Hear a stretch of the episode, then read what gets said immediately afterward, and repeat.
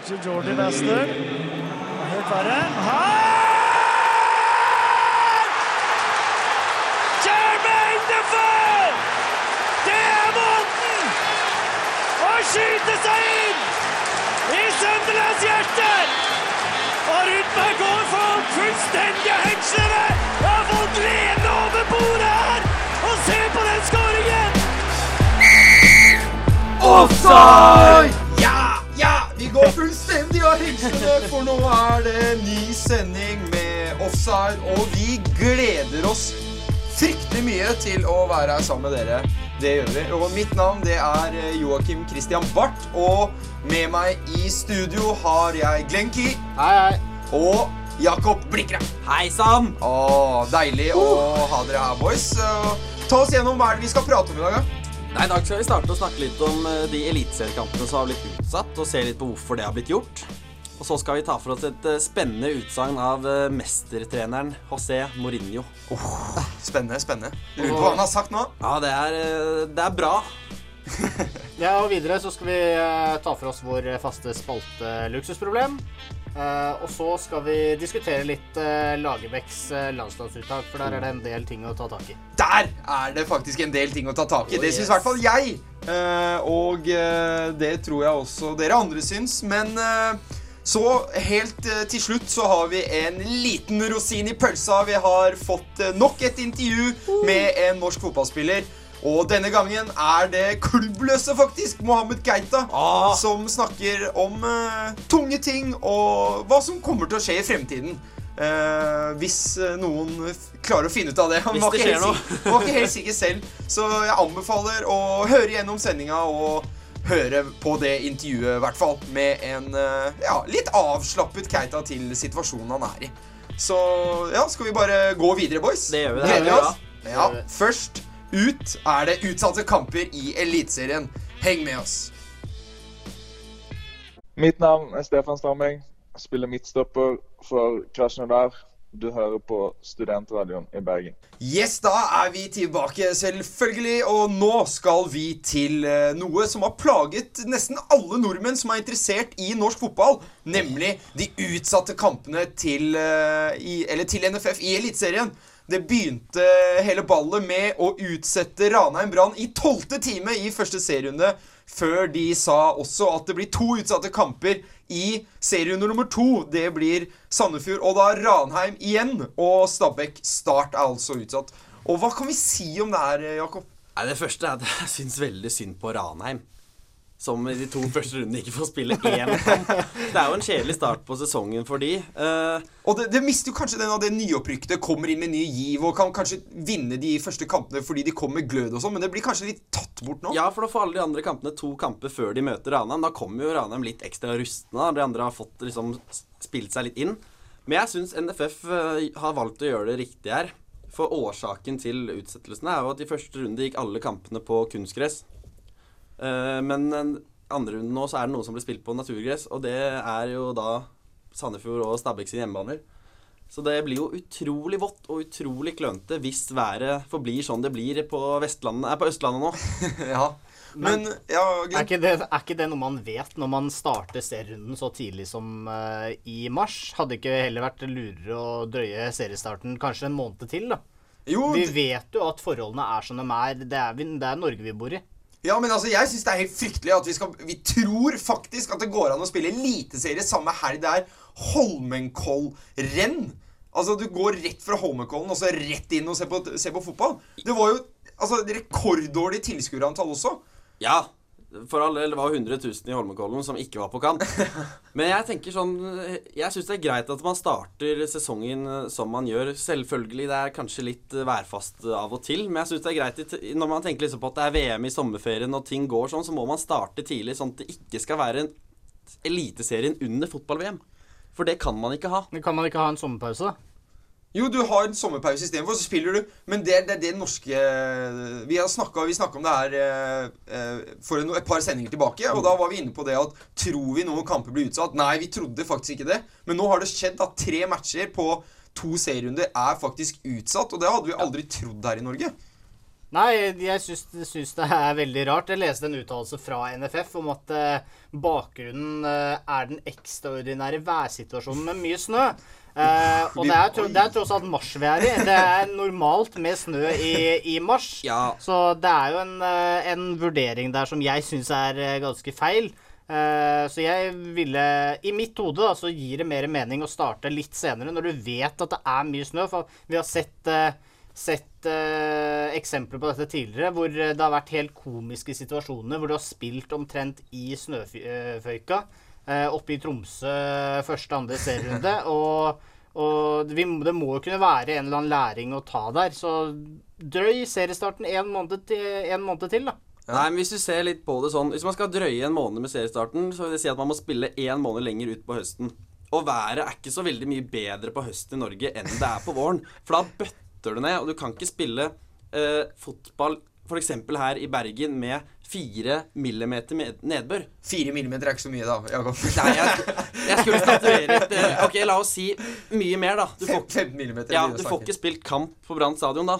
Nei, men, Nei, men jeg tror men, også bedre å spille i regn enn snø, da. ja, men også se på kampen vi fikk opp i Bodø nå, da, med Bodø-Lillestrøm. Og men- jeg tipper at det, det været du blir, det, Kampen blir avbrutt i 40 minutter, og Ja. det været tilsier jo faktisk at Tromsø er mer Nei, Tromsø er Bodø-Glimt er mer vant til det, og, og klarte selvfølgelig å, å, å kneble Lillestrøm der. Og så ser du Sarpsborg 08 mot Rosenborg, og som også er en parodi av en fotballkamp, med Ja. masse snø. Og ja, Rosenborg skylder på været at de ikke spilte bra, men det, det er jo det samme for Sarpsborg. Men, men det gagner kanskje de mindre lagene, da. Å spille på dårlige forhold, Ja. tenker du? Ja, det kan jeg være enig i. Men det er Er det dårlige forhold, så er det dårlige forhold. Det ser man jo rundt i andre land også. Så jeg syns det er helt greit hvis en kamp eller to blir utsatt. Så vi må starte så tidlig. Men jeg er enig i at det var bom å starte under uh, Holmenkollhelgen. Ja, men det, men det også, da. Eh, la oss bare ta for oss litt Bodø-Glimt-Lillestrøm der. Fordi det er jo farlig å spille i den kulda, og så går du inn i garderoben i 40 minutter uten å bevege på deg. Og du, er, du går inn i varmen, og så skal du ut igjen. Og da er det stor fare for at du både får krampe og strekk og kan være ute mye lenger. Det er jo ikke forsvarlig der. Nei, det er det ikke. Sjansen for å bli forkjølet og være, bli satt ut av influensa og sånne ting blir også mye større. Men det blir det jo når Ja. du spiller is, er iskald og uskald ut i kulda. Men Nei, vi kan, kan jo Vi er jo nordmenn. Vi kan jo Vi er Vi er Vikinger. Ja, vi er i det vi stammer fra. da Jeg vet ikke hvor mange av det som er hos lenger. Men vi kan jo spille i regn, og vi kan jo spille i snø. Men hva, hva tror du For nå har jeg jo sett på at eh, fotballklubben har blitt enige om eller sånn at 8 av 16 eh, klubber syns det er for mye eller for tidlig. Og, hva tror du det blir gjort nå? Eller tror du NFF bare Ja, samme det. Nei, altså Forrige gang NFF skulle gjøre noe, så leide de inn et nederlandsk firma og brukte to-tre millioner på å finne ut hvordan, eh, se, hvordan Eliteserien skulle organiseres. Og de endte jo med at de kasta bort alle forslagene som det firmaet kom med. som NFF gjør noe, det vet jeg ikke, men de burde jo gjøre noe, i hvert fall. For ellers så får du sånne komiske scener eh, hver sesong, og så ender du opp med at en, et lag sånn som Ranheim blir utsatt av eh, av eh, utsettelser, holdt jeg på å si. Og det er jo uheldig at ikke alle får de samme eh, forberedelsene før kamp og tilnærming til eh, et oppgjør. Så jeg syns det bør gjøres, gjøres noe, men om det blir det, det er jeg ikke sikker på. Altså. Nei, men, men stakkars Ranheim. eh, For å si. Ja, de, det- de, det- de andre får to matcher i beina før Ranheim skal spille. Er det en stor ulempe for et nyopprykket lag? Uh, jeg vil på mange måter si det. For lag som rykker opp, de pleier liksom å komme inn med guts. Og altså, nå skal vi vise at vi er her for å imponere og pleier å gå rett i angrep. Men de, de mister jo litt den starten når de ikke får spilt kamper på, er på to uker, da. Men det er jo, sesongen er fortsatt like lang, og de får ikke noen mindre kamper enn de andre. Nei, men eh, det får bli det siste ordet her. Vi får bare si at eh, NFF må bestemme seg, og så kanskje gjøre det samme hver sesong istedenfor å bytte seriestarten Ja. hvert år, i hvert fall. Så NFF, ta oss og hør på offside, da. Hei, mitt navn er Niklas Gunnarsson. Jeg er 26 år og er midtstopper i Djurgården, og vi skal spille Europa det året her. Nå er jeg med offside på Studentradioen i Bergen. Yes, Offside er tilbake, vet du, på Studentradioen i Bergen. Og nå skal vi snakke om José Mourinho, eller José Mourinho, som han heter fordi han er fra Portugal, faktisk. er faktisk. Portugal. Uh, og Mourinho har kommet med en litt sånn syk uh, uttalelse etter at United ble kasta på huet og ræva ut av Sevilla i Champions League. Og Mourinho sa da på pressekonferansen Jeg tar det faktisk på engelsk. I've sat in this chair twice before with Porto against Man United out. With Real Madrid and Man United out. So this is nothing new for this football club. Først Er det mulig?! Nei, hør nå. Først, Fy faen! Kødder du?! Hæ?! hva, hva, nei, det, er jo, det er jo ikke noe galt å ryke ut. Er du ikke bedre, så er du ikke bedre. Ja, men det han sier der Ja, han, han må få lov til å si akkurat det han vil. Han må få lov til å si Han er trener for en klubb. Han sitter og pisser på den klubben han er trener for, Han på var- pressekonferansen. Ut ifra, ut. ut fra hvordan de spilte mot Sevilla, så har han rett til å si alt han vil, for det var et ubrukelig lag. Ja, Men det er jo hans feil. Ja, Nei, det er jo, nå er det jo hans i vei! Og istedenfor isteden for å, for å ta, ta tak i det som faktisk er feil, så, så sitter han der og skryter av seg sjæl og, og pisser på den klubben han er trener for. Han skryter at han har slått ut United. Nå, nå sitter han her selv, og det er ikke noe nytt for klubben å ryke ut så tidlig. Og det er det jo ikke heller. Nei, men du kan, Sånn egentlig. Nei, men du kan ikke sitte og si det som manager for klubben.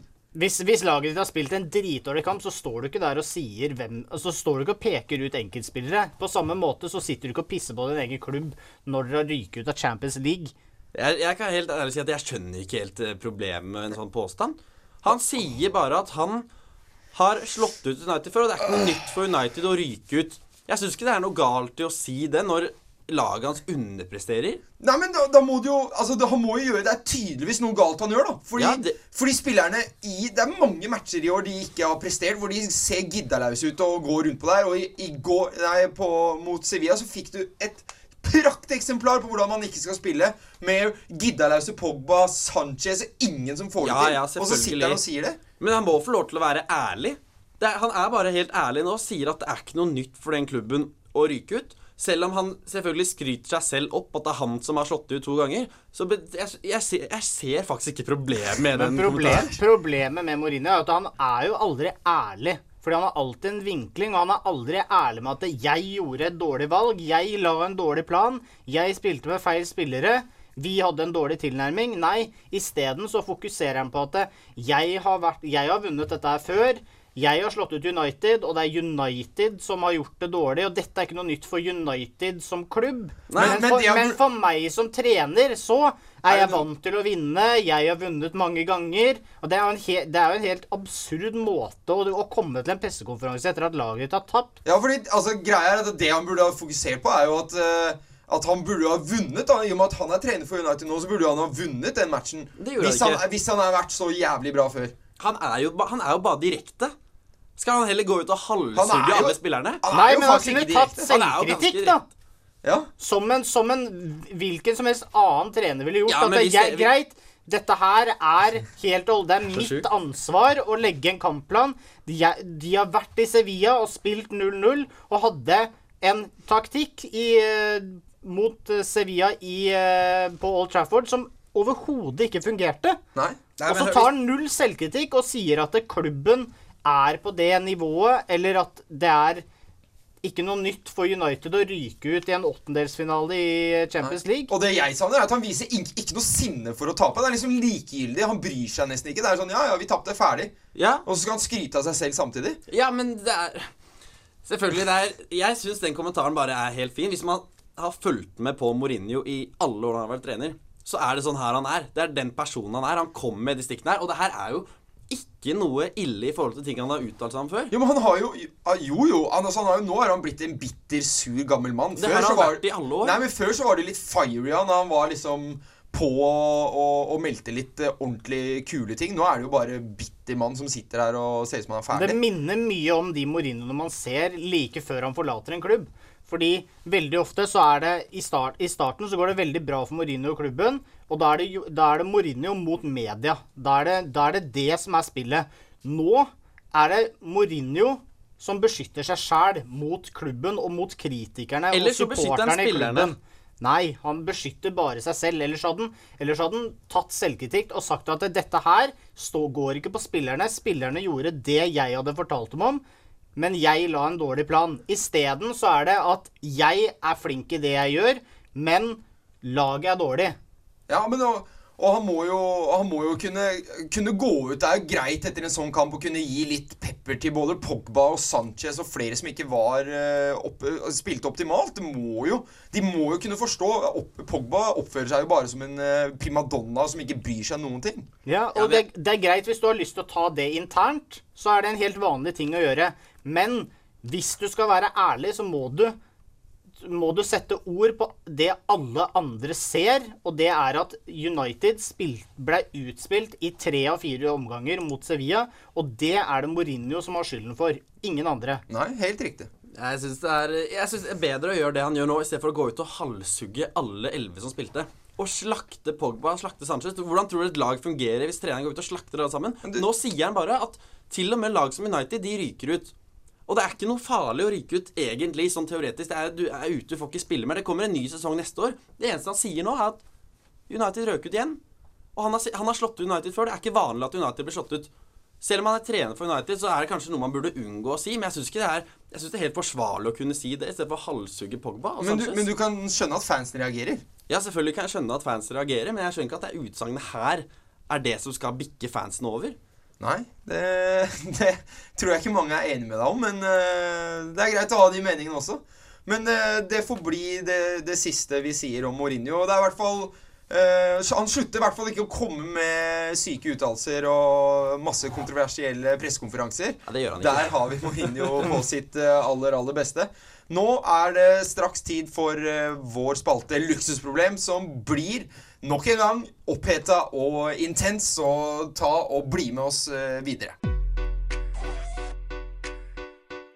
For Norge et problem, et luksusproblem. Det er et luksusproblem. Det er et luksusproblem med Messi og Ronaldo. Zlatan Ibrahimovic og Paul Pogba. Luksusproblem i offside.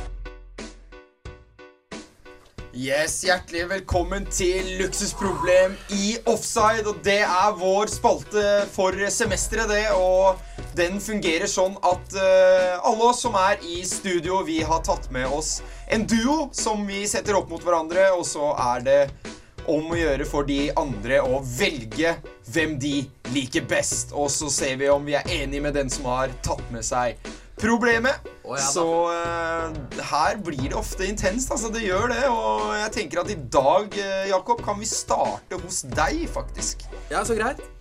Jeg har faktisk eh, gått for to angrepsspillere. Oi. Okay. Uh, som begge tidvis har spilt i samme liga, Ja, nemlig. Premier League. Neimen! Oi. Så jeg har gått for uh, den elegante babyfacet til Fernando Torres Okay. Oi. Mot det langhåra pannebåndet av Ruud van Nistelrooy. Ja, ja, ja, Glenn, hva skal vi si her? Nei, jeg tror vi veit hvem vi kommer til å velge, begge to.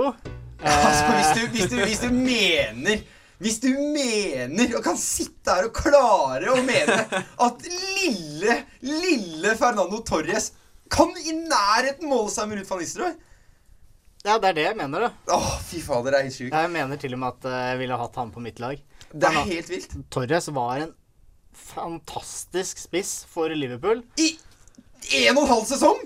Før han sa fuck, Før han sa Han sa fuck you! Viste en fingeren, dro til Chelsea og var ræv! Ja, men det, det gjorde jo ikke oss noe at han var ræv i Chelsea. Nei, men det, det sier jo om Men, prestasjonen hans i Fernando Premier League. Torres før ska, skadene var en fantastisk spiss. Nå, Og det, skade. det samarbeidet han hadde sammen med Gerard, var helt fantastisk. Nå, nå, skade. Akkurat den er litt synd, da, for Nei. Gerrard har perfekt samarbeid med alle han spiller med. Altså, altså Ja, men Det sier litt om hvilken spiller Gerard Ruud van. Nistelrooy, når han var i United den, altså den målfarlige spissen Fikk han ballen inn i boksen, så var det 100% mål. 150 skåringer for eh, United. Og han var så klasse, og han var så farlig i den perioden. Var det ingen som var bedre enn Nei, han i men boksen. i den perioden så var United ligaens klart beste lag også. Oi, Fernando- kom det fra deg? Fernando Yes. Den, den, Men der ligger du lavt. det, er- det er ikke veldig kontroversielt å påstå det, da, vil jeg, vil jeg si. Men mens Fernando Torres, for et Liverpool som lå ned, nede i sumpa De hadde jo ganske bra lag når Torres var Lå der. nede i sumpa. Ja. Ja, Den er uh, Nei, men Liverpool, altså, Liverpool etter, uh, etter Champions League-sesongen har Men- ikke hatt veldig mange topplasseringer. Men jeg mener at Ruud van Nistelrooy sin uh, standing er mye høyere enn det Fernando Torres hadde. Og det er, jeg kan, Men det ingen- er på grunn av måten overgangen Torres oh, Ja, men han pissa på klubben, gjennomført. og det var jo bare tull.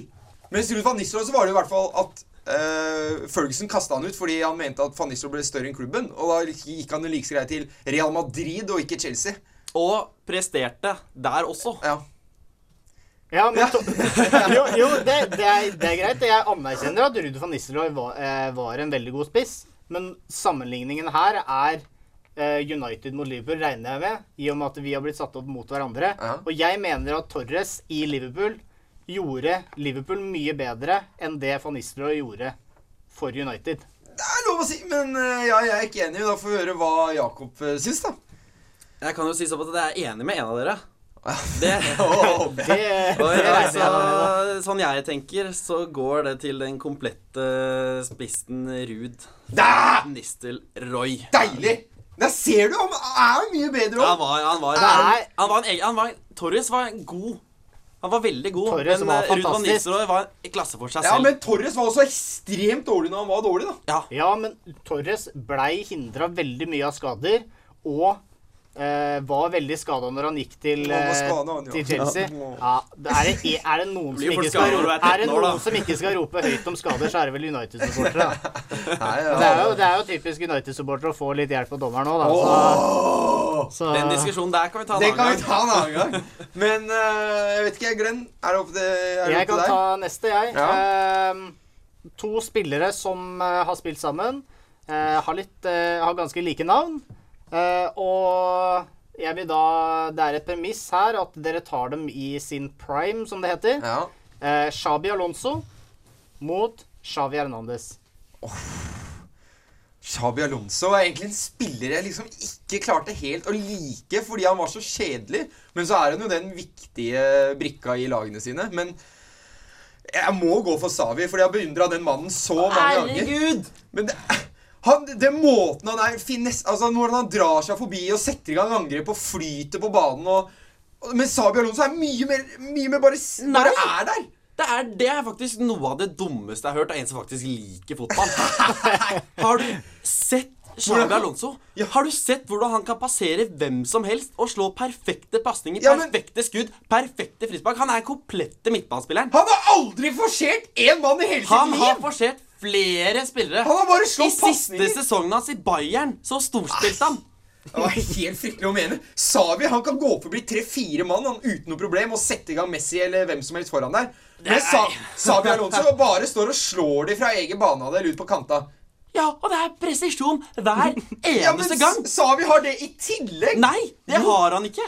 Han har jo det. Nei, det er, det er For det første er begge to fantastiske fotballspillere, men Sabi Alonso er hakket hvassere uansett hvordan du ser på det. For det første så kan ikke du fotball. For det andre så aner du ikke hva du prater om. Det er det dummeste jeg har vært med på. Nå, jeg, nå begynner jeg faktisk å bli oppriktig irritert. Fordi Xabi Alonso er, er Shaba Alonso Xabi Alonso er bedre på absolutt alle punkter. Som, Hvilke Nei. jo, kanskje teknikken med finter og sånn, at kanskje Xabi vinner den. Men Alonso er pasning, Føttene hans er mye bedre. Og Savi har dårlige føtter. Jeg har ikke sagt at han er dårlig, jeg bare ikke like godt. Nei, det er jo en vesentlig forskjell. Ja, det er sjukt. Det er sjukt faktisk å melde. Jeg syns faktisk det. Sa vi? det er mye bedre. Nei. Jo. Det er, Mye. det er, jeg syns det blir det, Nei. Jeg vil få høre på Glenn. Ja, jeg, overraskende nok er jeg enig med Jakob. Nei! Det er så sjukt! Det er, så- Nei! det er så riktig. Det Jo, gidder men jeg altså, når du ser på Xabi Alonso Så så, Det er så har du Ja, kanskje litt patisk, den der Liverpool-problemet der, men det eh, Nei, men se, se bort fra Liverpool-karrieren hans, da. Han har, en, har storspilt i Real Madrid og i Bayern. Ja. Sent i karrieren sin. Han er den, han er den komplette midtbanespiller. Ok, har- så, så, sa Savi har ikke prestert eh, forever i Barcelona? Jo, men jeg mener at Xabi Alonso er en bedre komplett midtbanespiller. Han, han har Han hadde den altså det, det, det er litt på samme måte som du ser på Pirlo, liksom. Mu- Må, sammenligne må, måten han trer, trer gjennom, starter et angrep helt alene. Selv om jeg støtta Xabi Alonso, så trenger du ikke sammenligne han med Pirlo. Altså, for da, da er du på tynn is. Nei. Ja, det går ikke. Faktisk. Xabi Alonso er min Pirlo. Uff, uff, det er så trist Ja, det, det er faktisk trist. Det syns jeg Men, var trist òg. men da kommer, kommer min til slutt. da Det er også to eh, midtbaneeleganter på, eh, Er det på Alonso? her. Det er, jeg var faktisk jævlig nær å ta han, så jeg var glad jeg ikke gjorde det. Men uh, her har jeg satt uh, opp imot to som har spilt uh, sin mannsalder for samme klubb.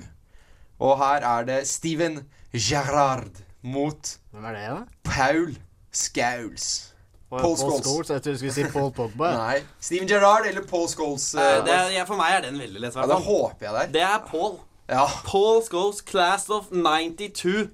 Bring it. Ja vel. Det er den beste Det er det dummeste jeg har hørt! Paul Scholes Du er, kan ikke mene at Gerrard kan måle seg engang! Paul Scholes er seriøst den eh, en av de beste midtbanespillerne gjennom tidene. Med rødt hår? Nei, Det har ikke en uten dritt rødt. å si hva slags hårfarge man har når du er Jeg bare trodde du skulle si det når du sa han var den beste Altså, ja, men du kan tenke deg Han var så lojal at han trengte ikke å ha en agent engang. Altså, Han sa klubber som ville prøve seg. Nei, det var ikke vits. Ingen. Inter ville ha han en gang. Men sa sånn Nei, det går ikke. Fordi han, Han- han var- han var Hva har, det, hva har det med saken å gjøre? At han var så god. Han ville være der. Han hadde ikke noe problem. Han bare koste seg med fotballen og var fantastisk i Premier League for År Manchester United. etter år etter år. Og han var en terrier. Han kunne bidra på alle deler av spillet. Høre, Uansett. Ja, vi høre om Gerrard. Hvorfor ble Steven Gerrard brukt i sin rolle på midtbanen til England, mens Paul Scholes ble dytta på kant? Nei, Det må du spørre han som trente i England da, men det er helt uh... Det må vel ha vært fordi at det, sjefen mente at Gerrard var en bedre midtbanespiller, og at den eneste som kunne tiltre en venstre midtbaneposisjon, ja, da måtte det bli Paul Scholes, da, fordi Lampard og Gerrard skulle spille i midten. Men kanskje han mente at eh, Scholes er den som er mest anvendelig av de, og at Uh, vi, han vil spille med alle, og da må han sette en ut på kant. Og det kunne jo i hvert fall ikke vært Gerard. Gerard spilte høyrekant da når han begynte i Liverpool. Ja, Han spilte han back også, han men han var ikke noen storspiller Nei, der. men han kunne fint ha blitt brukt på kanten hvis det var en annen som hadde tatt plassen hans i midten, men det var det ikke. Steven Gerrard var jo en ja, jeg, skjønner, jeg skjønner ikke sammenligninga engang. Det her er faktisk Det her er, det her er helt sjukt. At at jeg har to imot meg på denne her. Ja, det, Det det her her syns jeg faktisk er trist at du melder. På, ja, det er Steven. Gerrard, fantastisk fotballspiller, men han er ikke Paul Scholes. Det er ikke i nærheten, faktisk. Paul Scholes er jo Altså, hvis, hvis du hadde bytta dem om Hvis du hadde satt Paul Scholes i Liverpool, så hadde ikke han klart halvparten av det. Oi, oi, oi. Hvor, ikke hvor mange Premier League-gull har eh, Eller seriegull har uh, Paul Scholes? Hvilket lag spilte de for, da? Hvor mange har Steve er Gerrard? Jeg mener du skal ta null. Hvis Hvor, du, hvor mange er Andersen? Hvor mange- Steven Gerrard? Ja, men det, det har jo ingenting å si når du er sammenligner er fotballkvalitetene til to spillere. Hvor mange, gull, nei, hvor mange ligagull de har, eller hvor mange seriemesterskap Å, de har. de beste Det, spillerne de pleier ikke vinne ting. Er ikke, er, er ikke det noe mening? jo, Så men du de, sier nå at du de kan være best i lojale, verden og aldri har vunnet noen de lojale spillerne blir i klubben sin, uansett om det er den Ja, beste. og hvem, har, hvem av dem har blitt i klubben sin hele karrieren? Hvem bytta til LA Galaxy på slutten? Steven Gerrard var ikke lojal hele karrieren sin. Han dro, han. Ja, ok, greit. Men det som hadde noe å si her, var at Glenn, han ble nedstemt. Ja, uten Og, Nei, eh, men det er Paul fordi at Scholes- eh, Paul Scholes tok seieren. Eh, Van Nistelrooy tok seieren. Og sist, men ikke minst, Shabi så tok Sabi Alonso en helt sjuk seier. Så du fikk i hvert fall en sånn ja, eh, Det er som å diskutere religion med to religiøse. den, De, eh, de veit ikke at de er vranglærte. Det var altså luksusproblem for uh, denne gang. Uh, etterpå så skal du få høre et intervju med Mohammed Keita, så bare bli sittende. Mitt navn er Anders Rosen. Jeg spiller for Rosenborg, og du hører på Offside på Studentradioen i Bergen. Da har vi fått med oss eh, Mohammed Keita, og eh, vi kan jo begynne på, på begynnelsen, eh, Mohammed. Du begynte din proffkarriere i Strømsgodset. Hvordan, hvordan var det å komme til, en, til Godset da? Jeg skulle egentlig til Godset året før, og så hadde jeg en trener som het Jon Røgberg, som sa til meg det var bedre for meg å vente et år til til jeg ble 15, og så dro heller direkte til uh, junior elite istedenfor å gå til guttelaget. Så hørte jeg på han, da, så dro jeg dit uh, når jeg var uh, ja, 15. dro jeg dit, Spilte for uh, juniorlaget der.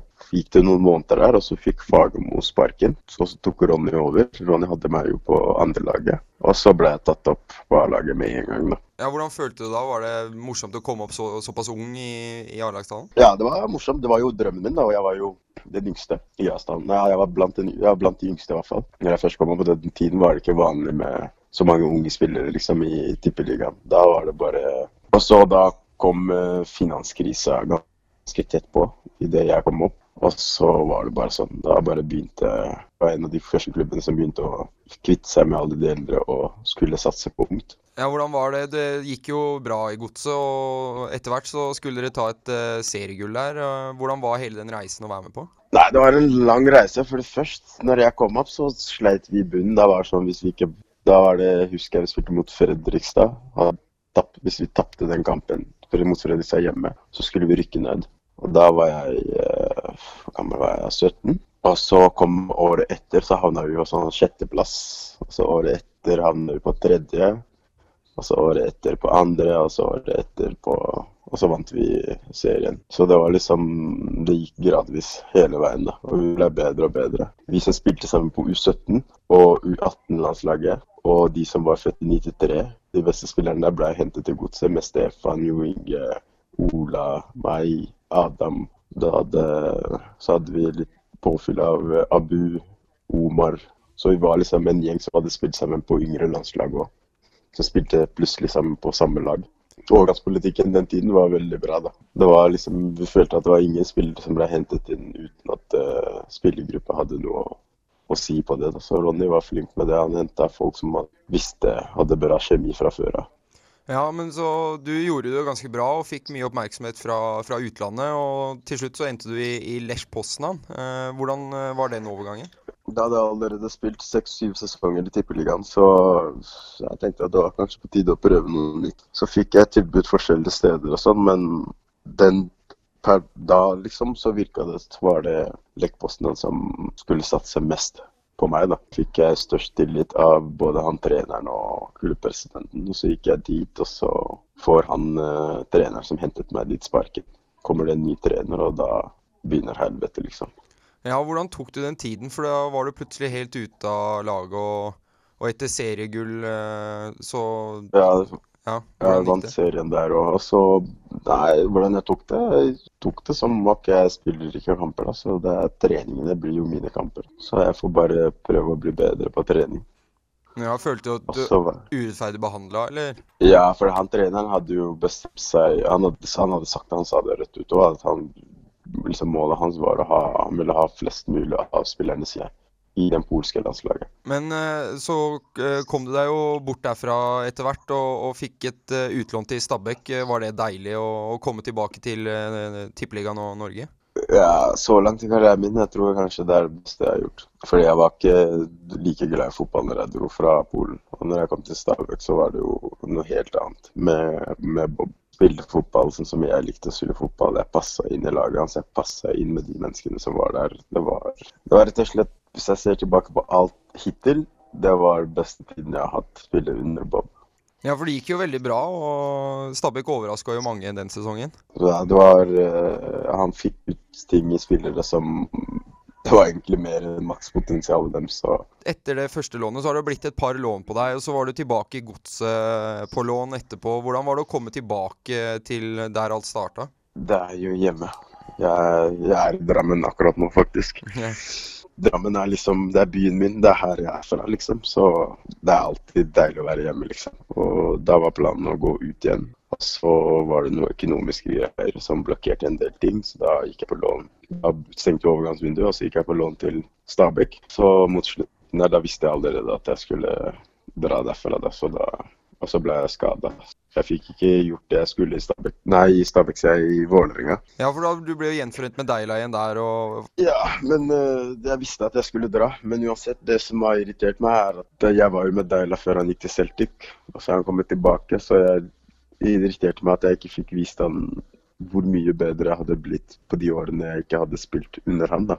Det er noe som har plagd meg i ettertid etter den Vålerenga-tiden, og under den Vålerenga-tiden. Så det er noe som plager meg fortsatt, egentlig den dag i dag. Du sa jo det selv at du dro til USA og New York Red Bulls. Og, og hvordan var det å komme til MLS? Og det har jo blitt masse snakk om MLS og store klubber. og Hvordan var det å komme dit og oppleve det? Nei, Det var en bra opplevelse, det. altså Det å liksom bo i New York er jo noe i seg selv, liksom. Og i tillegg til å kunne reise rundt i hele USA og spille fotball der, det er det er ikke noe man får, oppleve hele karrieren sin. USA er, det er et land jeg liker, egentlig. Men eh, nå er det jo uten klubb, og hvordan, eh, hvordan er tiden for Mohammed Keita nå? Nei, nå det går i en del eh, criminal minds, da. Og litt på, på treningsstudio og sånn. Så er jeg fysisk trener som jeg trener med, så jeg må for å holde meg i form. Er det noen klubber på, på gang, eller er det noe du har lyst til, eller hva er det du tenker eh, fremtiden? Det har vært klubber på gang, men det er ikke klubber jeg har hatt lyst til å dra til. Så jeg har bare avslått. Og det er mye i samme område som jeg har vært før. Og en del i, i Russland og sånt. Så. Tror du at du kommer til å spille, spille fotball for et lag før uh, sommeren f.eks., eller? Ja. Norge eller Ja, utlandet? det, det vet vi ikke ennå. Det, det, det kommer an på hvilken klubb som Fordi Norge Jeg har lyst til å spille i Norge, men jeg må spille i de klubbene jeg føler passer meg bra. Ja, og Men når jeg først er i den situasjonen jeg er i, og jeg kan gå gratis til hvilken som helst klubb, så vil jeg gå til en klubb som er riktig for meg.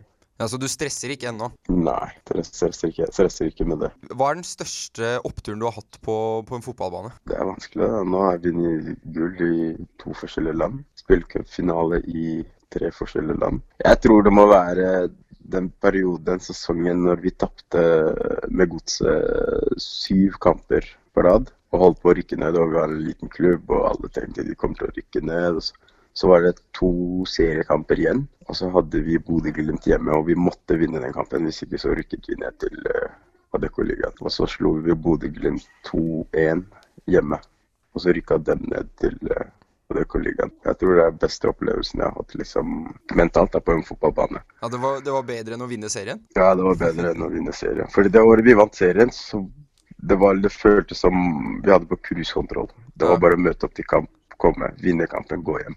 Når vi etter kamper, du vet folk er glade, folk vinner 3-0. Vi diskuterte mer hei, vi må gjøre det her. og Vi vinner 3-0, diskutere hva må vi gjøre bedre til neste kamp. Men eh, ta det på andre siden. da. Hva er det verste du har opplevd på, eh, i løpet av fotballkarrieren din? Det verste må jo ha vært eh, tiden min i, i Posten. Gikk kroppen min i depresjoner mens jeg var der borte. Så det, tiden der må ha vært den verste. Var det vanskelig å takle det, de følelsene? Liksom Kanskje noe du ikke har vært borti før, f.eks. på Ja, det jeg Det var mye, det var mye jeg ikke hadde vært borti på Eller som skjedde samtidig. Ting som jeg ikke hadde vært borti, skjedde samtidig. Jeg hadde flyttet hjemmefra første gangen. Nå skulle jeg endelig klare meg alene. Og så begynner det bra. Og så får han treneren sparken. Og så havner jeg på benken. Og så kommer rasismen. Og, og når jeg kommer hjem, så er det ingen hjemme å prate med. Jeg hadde ingen kompiser i nærheten. Så det var liksom, jeg var helt alene med mye på en gang. Og kunne ikke reise hjem så mye heller. En lang periode, for vi hadde jo så mange kamper med Europa League og serien og cup og alt det der. Så det, var, det må ha vært den verste tiden i min karriere hittil. Men uh, tusen takk skal du ha for at du stilte opp, uh, Mohammed Keita. Bare hyggelig. Der fikk du høre et intervju med Mohammed Keita, og eh, det var et fint intervju om hans tunge tid i Lech Poznan, som alle fotballspillere bør tenke på, at alt kan ikke gå bra hele tiden. Men nå skal vi ta for oss noe Keita faktisk ikke er med på helt ennå. Det er landslagsuttaket til Lars Lagerbäck. Og eh, ja, jeg vil si at eh, for meg så var det i hvert fall noen eh, overraskelser der. Men vi kan eh, kanskje begynne med, med deg, Jakob. For du, hadde, du savna noen du også der, kanskje helt framme. Uh, jeg synes for det første Det er to spillere jeg legger merke til som er her, som ikke burde vært her. I mitt hode, i hvert fall. Og det er Martin Linnes. Jeg kan referere til den der Morten Ramm-sangen for noen år tilbake. Martin Linnes på bekken, hvem faen er det? Fortsatt ikke noe der å gjøre. Så Martin Linne syns jeg er et utrolig rart valg. Og så er det jo Det er sikkert flere som er enig med den siste, men Bjørn Mars. Bjørn Mars! Det er, det er, det er helt hårreisende. så du syns ikke det er rart at den har tatt ut uh, Dæhlie? Mats Møller Dæhlie. Nei, det, det syns jeg faktisk ikke. Det kan du forstå. Ok, For der er jeg jævlig forbanna. Og det kan jeg Altså, det er ikke bare fordi jeg er Vålerenga-supporter, men synd så synd på Gia Saeed. Han fikk beskjed om ja, du må komme deg ut og spille i utlandet. Drar til Apoel, som er kontinuerlig i Champions League. Han har spilt Champions League mot Real Madrid og Dortmund og de gutta, og faktisk vært ganske OK for et lag som ikke har sjans mot de, selvfølgelig. Og han har levert haugevis av mål og assist i den kypriotiske ligaen. Og allikevel så velger Lars Lagerbäck å ta med Mats Møller Ja, Dæhlie! ja. Som har spilt 17 minutter i 2018! Ja, det, da, da, over, da tar vi litt i, tror jeg òg. Og så forsvarer det med at Nei, vi har satt en uh, samla trupp, og vi vil ikke eh, rulle for mye Eller røre for mye rundt om i gryta. Er, er, det, er bra- er, bra det, er det en eh. bra argument? Ja, men jeg skjønner, jeg skjønner ikke problemet med Mats Møller Dæhlie, faktisk. Jo, men han har jo ikke spilt! Nei, Men Er det han har vist, har vært bra for det. 17 minutter! Hva får du vist på 17 minutter? Han får i hvert fall vist at han har ballen, han har teknikken, han har fintene for å dra forbi, og han har pasningssikkerhet. Og hva har Gia Saida? De er helt, helt like fotballspillere. Nei, det vil jeg, det vil jeg ikke si. Men jeg, jeg syns det er lettere å forsvare Mats Møller Dæhlie enn f.eks.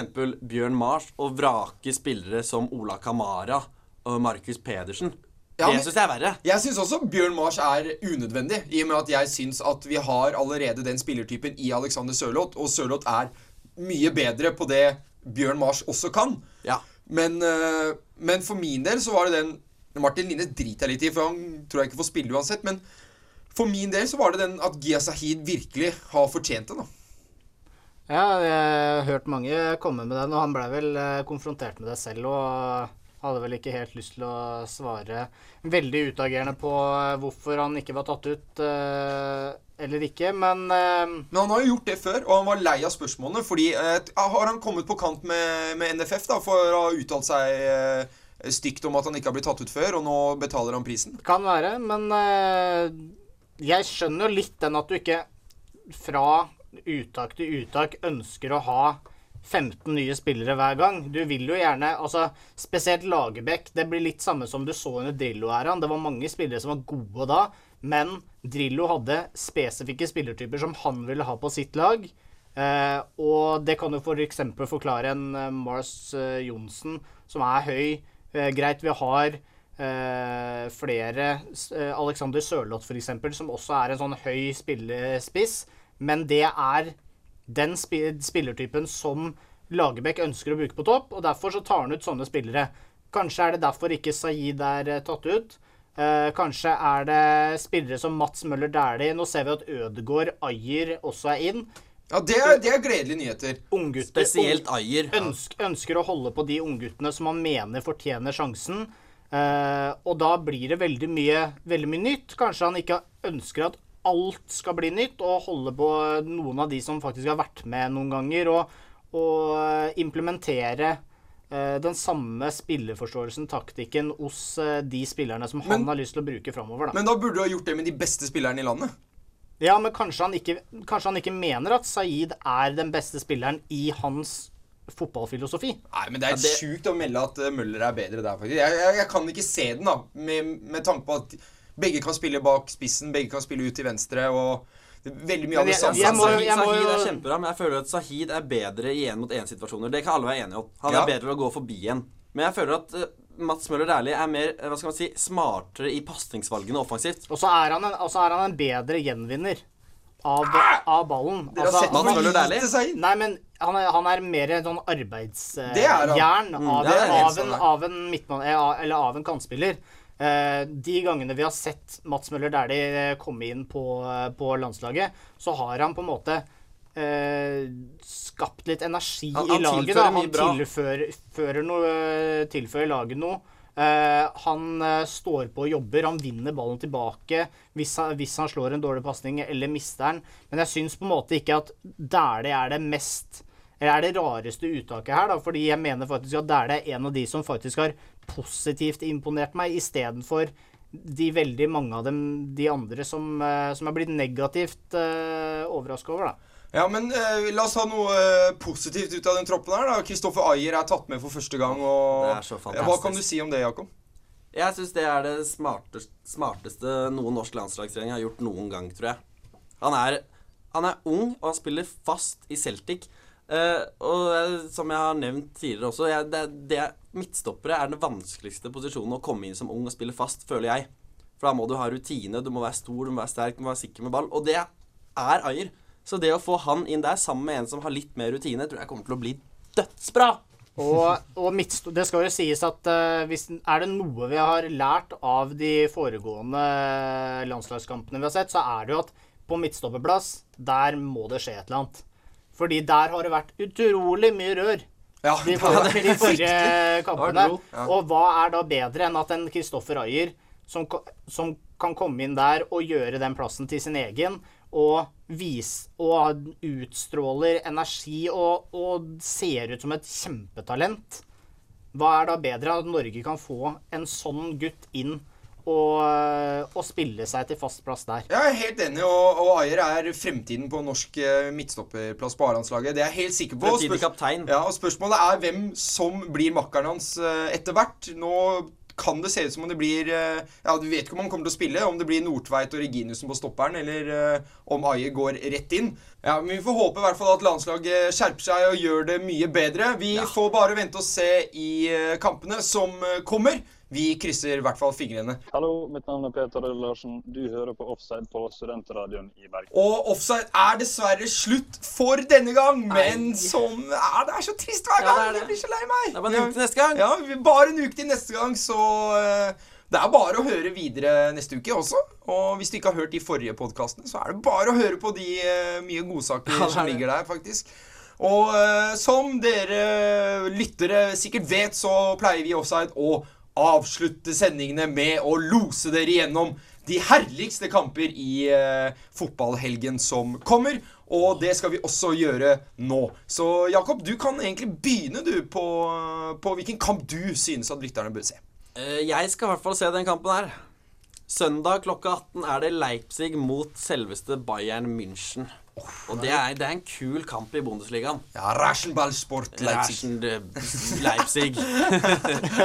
det er i hvert fall en kamp jeg gleder meg til, og jeg håper eh, alle andre gleder seg til den også. Ja, det blir en, eh, en god match. Det er absolutt. Hva med deg, Glenn?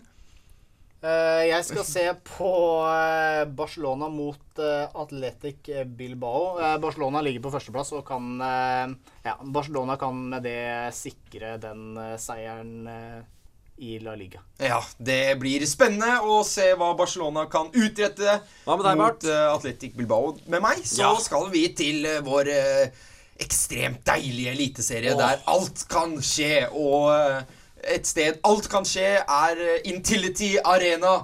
Der eh, åh. Og et sted alt kan skje, er Intility Arena, og der kommer Odd på besøk til uh, Vålerenga fotball. Og det blir en spennende match. Odd som fikk eh, en på smekken på eh, forrige serierunde av Haugesund på hjemmebane, mens Vålerenga tok med seg en ekstremt sterk borteseier mot Kristiansund.